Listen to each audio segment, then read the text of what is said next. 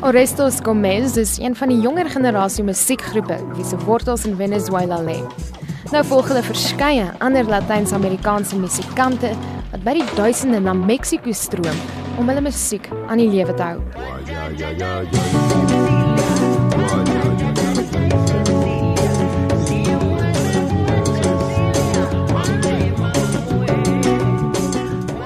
Mexiko word beskou as die sogenaamde Mekka van Latyns-Amerikaanse musiek.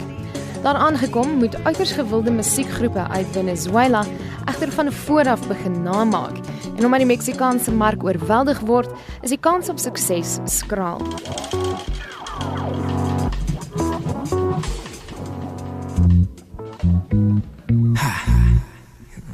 Oh, yes, yes.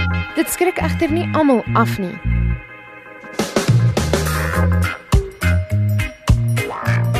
Jongelinge soos Ravayana kry dit reeds reg om aandag te trek. Pierdes el control cuando este flow hace que muevas el esqueleto. Daar is kenners wat nou meen dat jong musikante uit Venezuela herinner aan musiekbewegings tydens eras van politieke onderdrukking in Latyns-Amerikaanse lande soos Brasilië en Argentinië. Y pégate en el trip.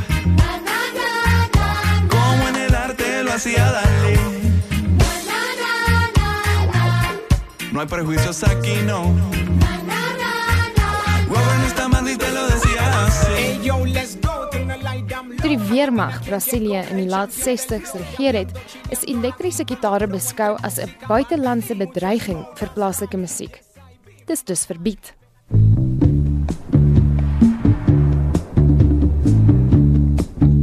Die musiekgroep Os Mutantes min geskeel.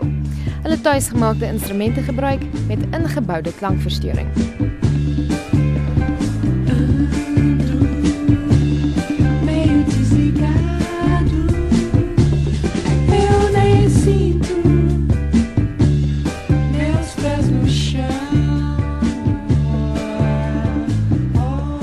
In Argentinië het 'n nuwe genre, rock nasionaal, ontstaan tydens die militêre regime tussen 1976 en 1983.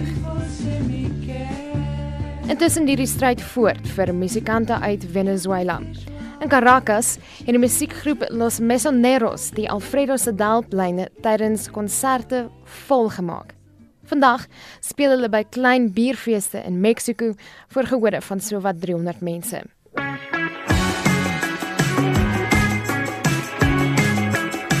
Volgens is dit egter net 'n kwessie van tyd en geduld.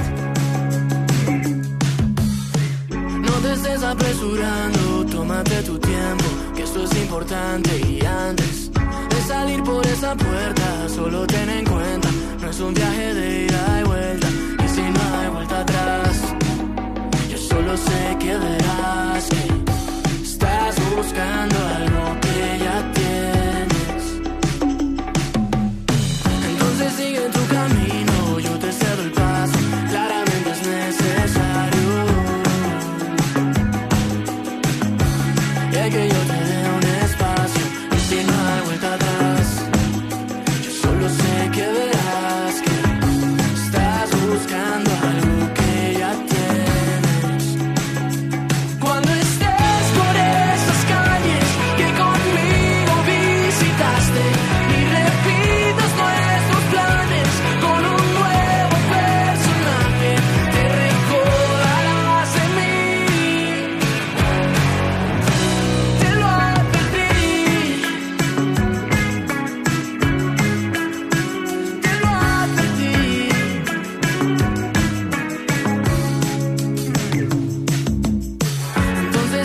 tu camino, yo te cedo el paso.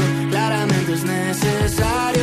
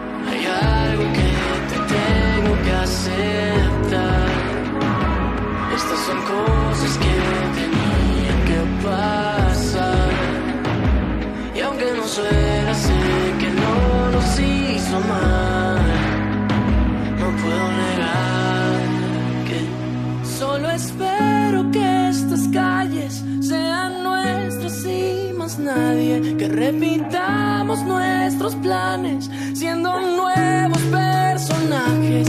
Te recuerdo